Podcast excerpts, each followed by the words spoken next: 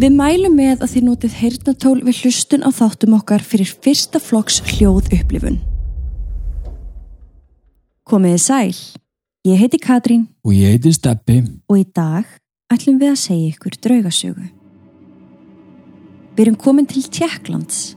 Rúmum einum og hálfum tíma frá Prag er að finna mjög sérstakann og dularfullan kastala. En það er erfitt að komast að honum þar sem hann stendur upp á kletti, alveg á brúninni svo falli niður er hátt. Í kringum hann er þjætt skólendi svo langt sem augað eigir, fjöll og kviksendi. Það eru engar samgöngur sem koma þér að kastalanum. Ef þið langar til þess að heimsækja hann þá er helsti möguleikin að leia bíl og keira eftir sveitavegum eins langt og þú kemst og ganga síðan restina. En heimamenn og nágrannar munur reyna að tala þið af því. En það forðast er kastalan eins og heitan eldin af óta við ílskuna sem þar leynist. Veggir hans verja hlið að hinnu óþekta. Við sjáum til, þetta er ekkert venjulegt virki. Þetta er staður þar sem tíminn stendur kyrr og hulan á milli okkar heims og ríki djöfulsins er hættulega þunn. Sagan segir að kastalinn hafi verið byggður til þess að innsikla hrottalega ílsku sem kraumar undir honum. Hræðilegar sögur af djöfulegum verum, myrkum helgisiðum og óútskýrðum fyrirbærum bergmála á göngunum. Rattir kvísla að okkur ólýsanlegum hryllingi sem hafa herjað á þá hugrökku og þá heimsku sem hætta sér þangað inn. Veri reyðubúin þegar við leggjum á stað í þessa sveiksamlegu ferð í gegnum molnandi gung inn í hjarta myrkusins þar sem við óþekta býður okkar. Aðeins þar munum við afhjúpa sannleikan en hafðu í huga að þegar þú ferð yfir þröskuldin þá er ekki aftur snúið. Veri velkomin í Háska Kastalan.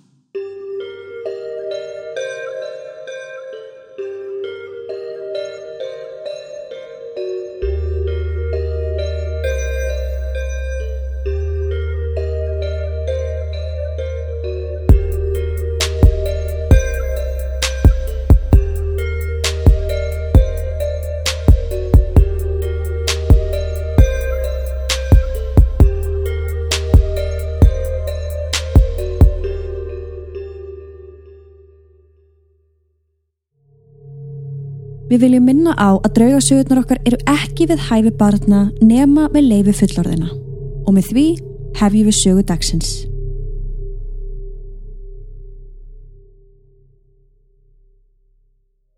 Þeir spyrja sig ennþá í dag af hverju var þessi kastali byggður upprunalega.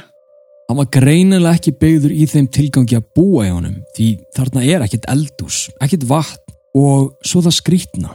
En nokkri gluggarnir eru feik. Þeir eru gerfi. Við erum að tala um að það er fullt af gerfi gluggum á kastalanum sem að þjóna engum tilgangi. Þeir voru settir viljandi þangað á 19. öld eiginlega bara sem skraut og til þess að gefa þessu mystíska mannverki smá sjarma. Þannig að við erum að tala um kannski bara gluggakarma og myndir, gler. Því að bara svona verið að reyna að gera hann aðeins bjartari, Já. aðeins fallegri. Það hefur alltaf verið erfitt að komast að honum.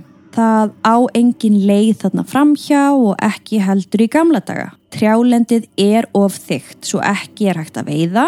Þetta er langt frá landamærum. Þetta er alls ekki góðu staður upp á viðskipti. Nei, Svo í rauninni hvaða tilgangi átti þessi kastali að þjóna til þess að byrja með? maður spyr sig. Og af hverju er alltaf dauðir fugglar í kringum hann enn þann dag í dag? Það er allt mjög grunnsamlegt við þennan stað. En við skulum byrja á því að skoða staðsetninguna. Kastalinn er í eigu Jósef Simonek fjölskyldunar en hann er opinn fyrir almenning og hefur verið það frá árinu 1999. Það er að bóðu upp á leiðsögutúra en ég held að sé bara um helgar sem Já. þetta er í bóði. Og þessi leðsögutúrar fá alveg mjög góðar umsagnir á TripAdvisor. Já, já. Hann eins og við sögðum í byrjun á mjög einangruðum stað og aftur eins og þið viti þeir sem hafa hlusta á margar sögur. Í gamla daga þá var mjög mikilvægt að ef þú ætlaðir að byggja eitthvað svona mannvirki Mm þá varst að gera það í einhverjum tilgangi og þú vildur oftast vera við játbröðastöðina Já, eða einhverja vegi, eða einhverja ræktanir, eða þannig fram eftir gödunum. þannig að fólk gæti komið til þín og þú gæst hérna pening Mm ef þú ætlar að byggja kastala eða einhvers konar virki þá gerður það oftast á landamærum til þess að þú getur verið að fylgjast með óvinnum Akkurat. en þessi var einhvern veginn bara byggður þarna og það veit engin í rauninni hvað tilgangi það meikar engan sens Nei, þetta er bara glataðir staðir. Þannig að skoðið endilega myndirnar og þá áttið ykkur fljótt á því að þetta er engin venjulegu kastali Nei, það er mjög erfitt að lýsa þessum kastala. Svo við hvetjum ykkur endilega til þess að skoða myndirnar til þess að fá í alvörinu þessa dýft sem við erum að tala um. en eins og við sögðum í byrjun hann er upp á kletti og hann er alveg á brúninni Mm það er beint fallatna niður sko. Já, akkurat. Aftur, það er ekkit vatn, Nei, en það er fata til þess að sapna rigningunni. Svo er kannski hægt að fá sér að drakka. mm gluggarnir eru feik, eflust ekki allir en margir þeirra. Þetta er bara allt saman rosalega dölafyllt og sagan í kringum hann er mjög áhugaverð. Samkvæmt heimasíðu Kastalans þá er sagt að Kastalin hafi verið byggður á 13. öld en sagan byrjar samt sem áður mun fyrr. Það hafa fundist fordlegar á staðnum sem gefa okkur þá vísbendingu að þarna hafi keltar verið búsettir á þessu svæði og slavneskir ættbólkar sem fluttu þanga á sjöttu öld. Já, þessi slavneski ættbólkur sem er verið að tala um þeir eru oftast kallaðir slav Mhm. og þetta er eitt stærsti ættbólkurinn í Evrópu og það var einmitt fyrst minnst á þá á sjöttu öld. Þannig að við erum að tala um helmingi lengri saga en í rauninni er talið sér vita um þennan Kastala. Já, sko fyrsta þekkta mannavirkið sem var akkurat á þessum stað var lítið viðarvirki sem þarna stóð á nýjöndu öld. Minnst var á það mannvirki í umfangsmiklum tjekkneskum annál sem var gefin út árið 1541. Maðurinn sem skrifaði verkið hétt Vaklav Hayek en hann skrifar einnig um söguna sem við ætlum að fara að kafa í núna. Hann talar um undarlega sprungu efst á kalksteininum. Þessi djúpa hóla bara byrtist einn daginn og hún virtist ekki hafa neitt enda. Íbúar á staðanum fór að kalla hóluna hólan til helvitis og forðuðust þorpsbúar að fara fram hjá henni eftir myrkur. Þeir trúðu því að undarlega verur, hálf dýr og hálft fólk kæmi út úr hóluna á nóttunni til þess að drepa búfi og valda annari eðileggingu. Þeir töldu einnig að hver sá sem færi nálægt staðnum ætti sjálfur á hættu á að breytast í eina verum grefjunar. Þó það var ákveði að reyna að fylla upp í hana með grjóti en án árangurs. Hólan glifti allt sem þeir slefti þonga niður án sjáanlegra áhrifa.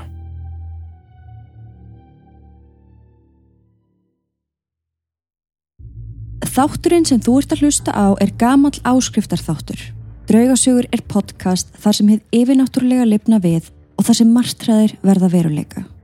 Við ferðumst með þig á skuggarlegustu staði heims og köfum djúft ofan í sögurinnar til þess að reyna að finna út af hverju draugagangurinn stafar og oftar en ekki flækjumst við inn í einhver glæpamál, morð, sveik eða bölvanir. En ekki halda við séum engungu að tala um drauga. Við höfum virkilega gaman á sögulegum staðrindum og skjálfestum heimildum. Í hverjum þætti spólum við tilbaka til fortíðar. Því eins og við segjum alltaf, það er nöðsilegt að þekkja söguna út og inn áður en maður fyrir að greina hvers konar reymleiki er þarna á sveimi.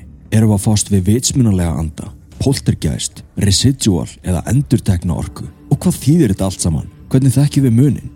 Engar áhyggjur, við munum kenna þér. Við bjóðum upp á þrjár áskriftarleiðir inn á Patreon og inn á Spotify. Vinstælasta áskriftarleiðin okkar er draugasögu kynnslóðin inn á Patreon. Þar sem þú farið mínu sögu á mánudögum og áskriftarsögu í fullri lengt á miðgudögum. Þú far aðganga viðtölum við frægustu nöfnin í paranormal heiminum og fær tækifæri á að koma með okkur í rannsóknir bæði innanlands og erlendis. Svo ef þú ert forvitur um drauga, þú hefur gaman að true crime og vilt mögulega bóka þér sögulegt draugahótel í næsta fríi, eða ef þú hefur gaman að því að ferðast og skoða fræga staði með óhugulegri sögu, þá skaltu prófa áskriftinu okkar. Það gæti komið þér á óvart og hafði í huga að allar sögur sem við segjum eru dagsannar. Farðin á patreon.com skástrygg draugasögur og prófaðu að hlusta frítt í sjö daga. Engin binding og þú far aðgang að yfir 500 þáttum strax við skráningu. Greintir frá því að á endanum hafi hertogi að finni öflugu Duba-ætt tekið málið í sínar hendur. Hann, eins og allir aðrir, vildi fá að vita hvert þessi hóla leiti. Svo hann komið þá hugmynd að bjóða föngum sem dæmdir voru til dauða til þess að velja tvo valkosti. Já. Annars vegar horfast í augu við örlög sín og vera hengdir líkt og dómur hafði fyrirskipað eða halda lífi sínu en þessi stað láta sig síga ofan í hóluna til þess að sjá hvað væri þar ofan í. Ég færi náttúrulega brón í hóluna, sko. Þú færir, ég fær ekki. Nei, ég vil freka að vera hengt. Einn fangi fjælst á þennan samning. Þetta var ungur maður sem hafði oft komist í kast við laugin. Hann var tilbúin að fórna sér ofan í hóluna með því skilir þig að þegar hann kæmi upp úr aftur, þá er það um sleft. Bæjarbúar þyrptust í kringum hann og fylgdust með á meðan bundi var reypi utanum hann miðjan. Heilmikill flokkur manna heldu í hinn enda reypi sérs og síðan letuður hann síga, hægt og rólega. Allir voru spendir. Allir voru tilbúinir að fá að vita sannleikan. Menn kölluðu niður til hans reglulega til þess að aðtuga hvort það væri ekki allt í lagi með hann og fangin svaraði ávalt á móti. Nefnum svo allt í einu var algjör þögn. Fólk held hann væri eflust bara komið svo langt niður að hann heyrði ekki til þeirra. Nefnum síðan allt í einu heyraðu hræðilegt ángistar óp. Í flíti fóru mennirnir að draga hann upp eins hratt og þeir gátu en fangin var komin svo langt niður að það tók mikinn kraft og hellingstíma.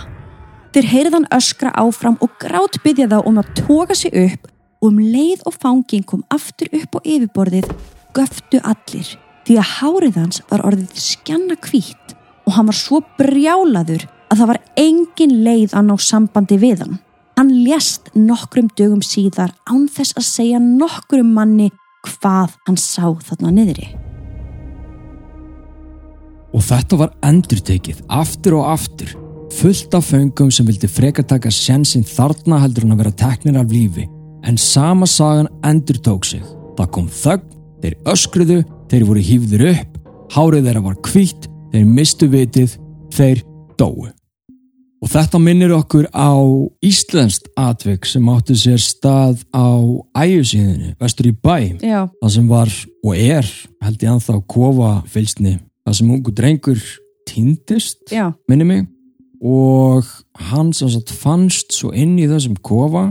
Hann var dökkarður og allt í einu var hárið hans skjanna kvítt alveg rétt. Hann líka í framann og hann var svo hrættur og þetta er vist talið vera hægt þú getur orðið svo hrættur svo óstjórnlega hrættur að þetta gerist einhvern veginn það hlýtur nú að vera eitthvað yfirnáttúrulegt í spilinu ég held það, ég meina ekki nefnum að fara í afletun einhver staðar. En byrju, við höfum farið í hennan kofa? Jú, eða við höfum rannsakað í kringum hann. Já, já, alveg rétt. Aðeins að snáðast. Það eru nokkur ár síðan. Já. En hann er ennþá kofinnið því? Hann var það allan að þá, því sem að það ekki göngutúrum æðið sín. Já, alveg rétt. Við sjáum þarna gömlu fiski, hvað er þetta, brakkar eða kofar þarna við æðið síðan. Á melli 1253 og 1278 þurfti að binda enda á þetta. Fjölmarka frásagnir um djöfulegar ásóknir voru á kreiki þar á meðal að fólk hafi verið dreyið ofan í hóluna svo það varð eitthvað að gera áður en stjórnleysið yrði algjört. Óttókar annar konungur leta á byggja þetta gothic mannverki ofan á hólunni og það er hansi áhugavert að skoða hvernig þessi kastalegi byggður. Já. Það var nefnilega ekki eins og það væri verið að reyna að halda ofinnum frá kastalunum heldur frekar eins og það væri verið að reyna að halda einhverju inn í kastalanum sem mætti alls ekki sleppa út. Það var lokað fyrir hóluna án þess að fylla upp í hana af því að það var auðvitað ekki hægt Nei. en það var lokað henni með steinplötum og síðan var kapella reist ofan á hana. Kapella var síðan helguð erki englinum Michael. Já og okkar listundur ætti að vita mjög vel hver Santi Mikael er en hann er Engill englana, herfóringin sá sem að verndar okkur gegn öllu henni illa í heiminum og helsti óvinnur djöfusins. Fölnaða myndir á veggjum kapellunar eru með þeim eldstu sem finnast í Evrópu og eru frá upphafi ársins 1400 en þær sína einmitt erki engilin Mikael í tveimur aðstæðum. Fyrst er hann að berjast við drega, táknins illa og í annari senu heldur hann á sverði í annari höndinni og vogi henni og vegur sálir þeirra látni.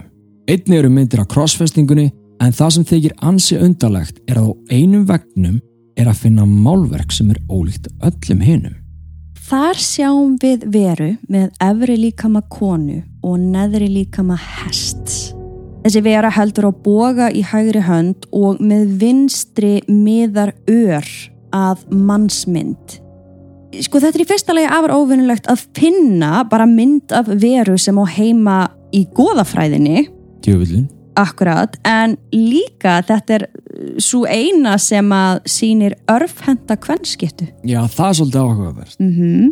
Já, miðaldum var það að vera örfendir, eitthvað sem var tengt við djöfulegt eða satan og vilja sérfræðinga meina að þessi mynd tengist sögunum um skeppnurnar sem skriðu þarna upp úr helviti sem er þarna undir kapellinni. Og hér eru við með mynd Já. af þessari kvenn veru og já, þetta er ansið skýrt, ansið vel farið. Þá erum við búin að skoða kapellina en Kastalinn sjálfur, hann er alveg jafn dulafullur af því að hann er, eins og þú sagðir, byggður einhvern veginn þannig það er frekar eins og það sé verið að passa að eitthvað komist ekki út rónum frekar en að óvinnir komist inn í hann. Mm -hmm. Ég meina það er auðvitað svo litið skrítið og kannski erfitt að ímynda sér það væri aflust þægilega að útskýra þetta ef maður hefði séð þetta sjálf um einn augum. Já, En uh, skoðiði myndirnar, við vorum að skoða þetta samansteppi og Já, það er ansið mikilvægt að skoða myndirnar sem maður átti sig alveg almennilega á þessu. sko hugsiði bara þannig við veitum alveg hvernig kastalar eru oftast, það er eitthvað svona framan á þeim að utan þar sem að hermenn geta til dæmis staðið og fylst með, Já, en þær svalir Mhm. þannig séð og törnar og leiðis. eru inn á við. Já, eins og einhver sé frekar að fylgjast með einhverju sem er inni og svo las ég einhver staðar að það væri stíi sem að leitt einhvern veginn ekki neitt. Ég treysti mér ekki að útskýra þetta. Nei, nei. Vegna sem maður hefur bara ekki farið ánga Nei, þetta er eiginlega, sko, ég get líst þessu pínu svona eins og það sé fangelsis gangur í miðjunni. Þetta Já, er já. eins og svona, svona walkway eða einhvers konar svalir mm þar sem að fangaverðir myndu horfa niður með byssur á fangana sem eru niðri. góð lýsing, Já. algjörlega þannig og að fanga klefarnir séu þarna uppi Já, þetta meikar ekki sens. Nei. Þetta er eitthvað mjög skrítið. Á 17. öld settist að í kastalanum ansi ókveikjandi og áhugaverð persóna, maður sem kallaður er Orondo. Honum er líst sem óheiðalegri og dulafullri persónu sem var djúft sokkin í myrkarlistir og stundaði dulræna helgiseði í kastalanum. Talið er að hann hafi haft yfirgripsmikla þekkingu á svartagaldri sem hann notaði til þess að kalla saman djöfulugar verur. Sagan segir meira að segja að Orondo hafi gengið svo langt að hann hafi á endanum gert samning við djöfulinn sjálfan og selt sál sína fyrir ómanlega krafta og völd. Það er einni haldið fram að Orondo hafi gert hræðilegar tilrunir á föngum og glæpamunum sem voru fluttir til Kastalans á meðan á byggingu hans stóð og þessar tilrunir hans voru sagðar vera hluti af stanslausri leit hans af ódöðleika og óendanlegum krafti. Já, en það er sem sagt sagt að ótal fangar og annað ógæfu fólk hafi tekið þátt í að reysa kastalan eins og við þekkjum hann í dag og allt var þetta gert undir stjórn og rondós. Og ég menna það gæti alveg verið, ég menna þetta þekktist að fangar voru látnir já. bara ennþá í dag, sinn einhverju vinnu og ég menna stuttu áður, glemum því að þá voru fangar látnir síga þarna þess að aðtöfa hvað væri honi í hólu helvitis. Akkurat. En hann var síðan á endanum drepinn af sínum eigin hermunum sem að skuta hann í gegnum glugga, alvöru glugga, Ok. eitt kvöldi. En það er talið að sálir þeirra sem að letu lífið þarna inni séu fastar þarna inni vegna þess, eins og við sögðum áðan, kastalinn er raunverulega byggður þannig að enginn komist út. Nokkur hundruð árum síðar, árið 1836, ákvað teknaska skáldið Karel Kínek makka að eigða nótt sinni í háskakastalanum og talið er að í draumum sínum hafi heimsótt hann hræðileg sín sem hann sagði síðar frá í brefi til vina síns. Karel lísti því hvernig sálans hafi verið dregin ofan í grifjuna og þaðan var hún flutt til helvítis.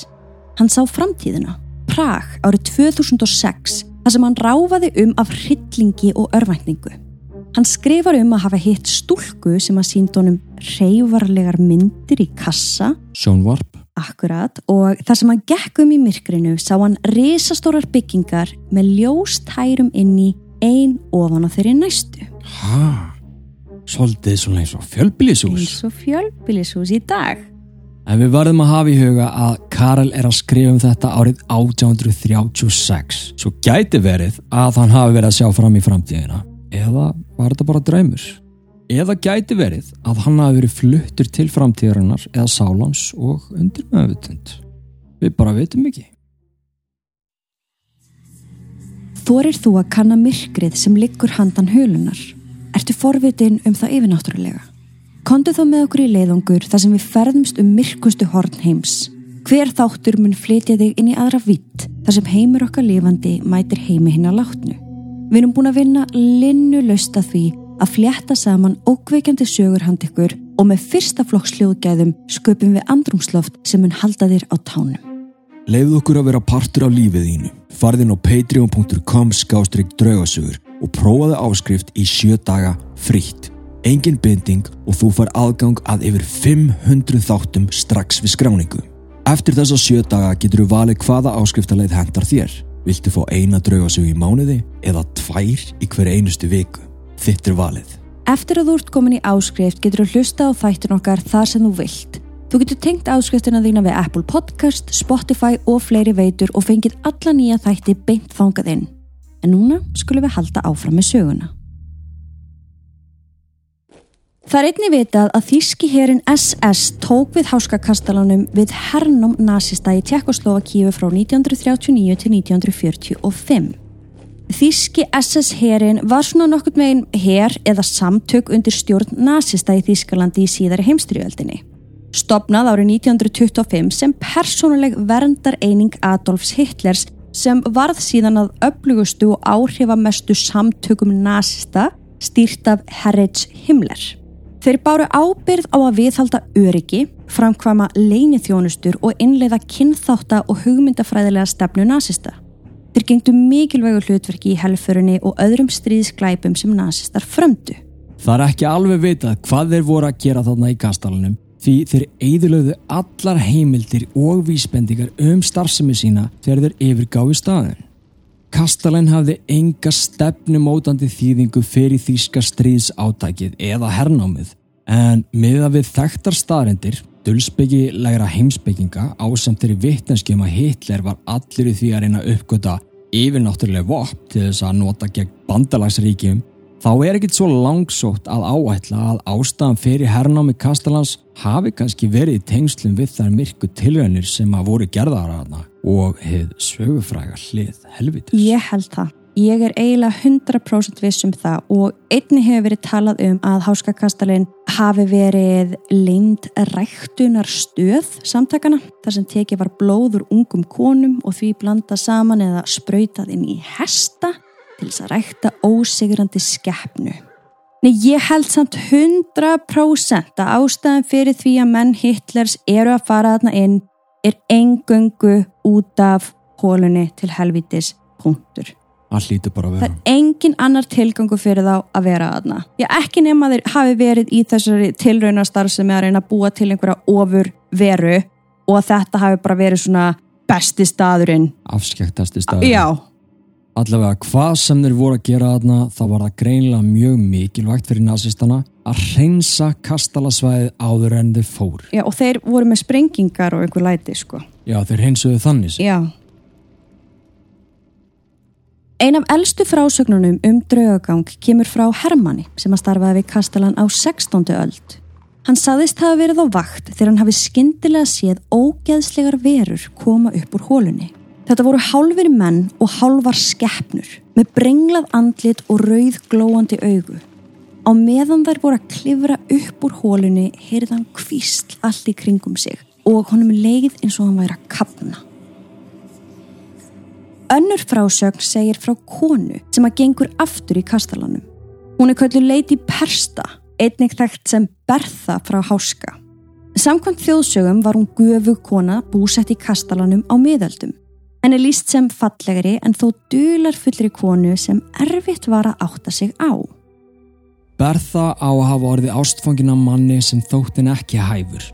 Fjölskyldanar harðbannaði henni að vera í samskiptum við mannin svo með reyði í hjarta gaf hún sig á vald hinn að myrku abla en hún vildi fá völd og þekkingu sem engin annar maður byggi yfir.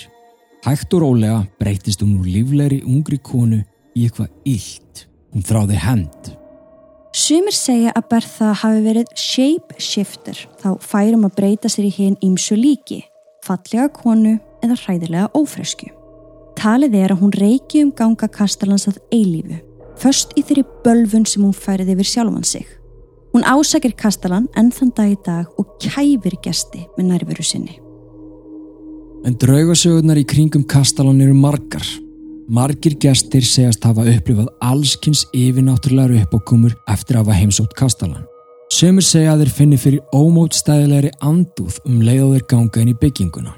Einsagan kemur frá Hönnu Maggi sem er eigandi Maggi Ghost Tours í Prag. Við þurfum að tjekka það út ef við fyrir til Prag. Endilega. Þegar hún heimsótti Kastalan í fyrsta sinn á samt hundinum sínum sagðist hún hafa fundið fyrir mikilli óánægu og leiði þegar hún steg fætið ángað inn. Og hundurinn hennar virtist finna sömu tilfinningar því allt í einu fór hann að gelta eins og brjálaðingur sem var ekki líkt honum. Það var eins og góðhjartaði hundurinn hennar hafi bara allt í hennu breyst í eitthvað rándýr og allan tíman á meðan hún gekk um kastalan leiðinni eins og einhver væri að fylgjast með sér. Síðar um daginn þegar þau komu aftur til Prag lagði hún bílnum sínum í stæði á meðan hún tókur öll um almenningskarð með hundin sinn til þess að reyna að róa niður. Þegar hún snýri tilbaka þá var búið að stela bílnum hennar. Lauðurreglan fann bílinn nokkrum klukkustundum setna en þá var búið að stela öllu úr honum og rúst honum algjörlegað innan. Hanna vil meina að þessi óhefni hafi fyllt sér úr kastalanum. Það hljómar alls ekki vel. Hún vill tengja þetta saman. Ég veit að það er mjög auðvelt og meiri segja þegar ég lasi þetta í fyrsta skipti og var ég bara svona ok, viðstu, þetta gæti samt verið tilviljun. Að sjálfsögðu. En, En hundurinn sko. Já, það er annað. Nei sko ég er að tala um, þú veist, ef maður hugsar, Mm, þú veist, ok, hún fann þetta, hundurinn fann þetta, já. það var eitthvað aðna. Ég held að það far ekkert á milli mála, sko. En er spurning hvað og hvernig hafi þá fyllt með henni. Já. Já, maður veit það ekki. Nei, Ef að hún heldur það. Ég meina hún er, hefur greinlega einhverja þekkingu og reynslu í algjörlega. draugabransanum greinlega. Annar andi sem sést hefur í kastalanum er lítil stúlka, klætt í flæðandi hvítan kjól með blóðslettum á frá þeim sem hafa týnt lífi sínu í hólumni til helvítis. Hver hún er veit engin. Sumir telja hún sé erðalus andi, först innan veggja kastalans vegna hörmulegra örlaga eða ótímabærs andláts. Aðrir segja að nærvera hennar sé tengd dimmum leindarmálum og yfir náttúrulegum öflum sem umlikja kastalan. Þau vitni sem hafa síðana segast að vært hlátur hennar bergmála inn í rýmum kastalans fundi mikinn kulda og jafnvel séð hluti hreyfast að sjálfu sér. Gæti verið að hún sé bara saklaus andi eða er hún eitthvað dekkra, eitthvað verra og óheiðalegt sem bregður sér í líki stúlku til þess að blekja. En það veit enginn. Eina nóttina ákvað hópur fólks að laumast inn í kastalan til þess að eyða þar nótt. Þau vildu vita hvort að sagan um hóluna til helvitis væri sönn. Svo þau komu sér fyrir og stiltu upp alls konar tækjum og myndavélum í þeirri vonum að ná sönnunum um eitthvað yfirnáttúrulegt. Hljómar kunnulega. Já, Þegar fór að dimma og klukkan var eftir miðnætti fóru þau að heyra undarleg hljóð. Kvísl kom frá veggjum og virtist færast á milli herbergja og fótatak heyrðist inn í mannleysum rýmum. Það var ekkert ljós þarna inni svo eina byrtan sem þau höfðu var frá litlu kerti sem þau heldu á undan sér á meðan þau gengu um gangana. Síðan skyndilega sjá þau konu standa við enda gangsins.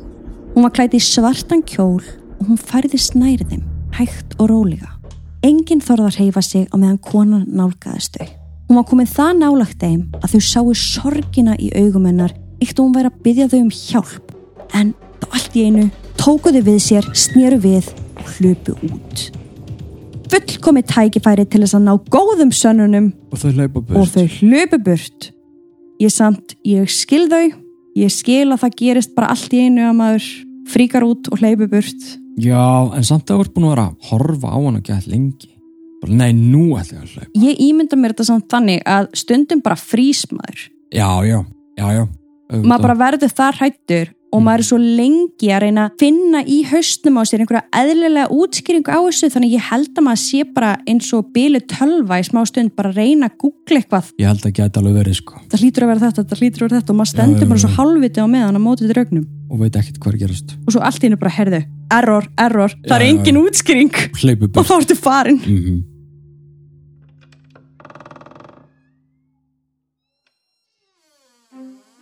þá held ég að sé komið tími til þess að við komum okkur út úr þessum reymda og óhaugulega kastala. Við höfum farið yfir sögulegar staðrendir, skoðað helstu þjóðsögurnar sem fylgjónum og heyrt vittnisspyrði fólk sem hefur heimsóttan. og það er alveg heilland að sjá hvernig háska kastalæn er orðið öflugt tákn bardagans á milli þess góða og þess illa og þetta er svona staður sem að laðar að sér bæði efasemdamenn og þá sem trúa og enn í dag heldur hann áfram að heilla gæsti viðsvegar að úr heiminum Sögur af djöfulegum verum, hólu til helvitis og öðrum draugum gerir háskakastalan einn af reyndustu kastulum í heimi.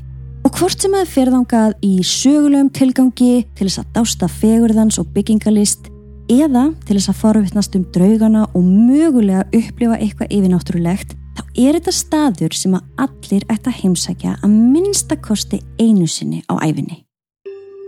Takk fyrir að hlusta á draugasögur. Þessi þáttur er gammal áskriftaþáttur og ef þér líkar efnið, nennið þú please að setja 5 stjörnur á þinni hláðvarpsveitu og segið öðrum frá.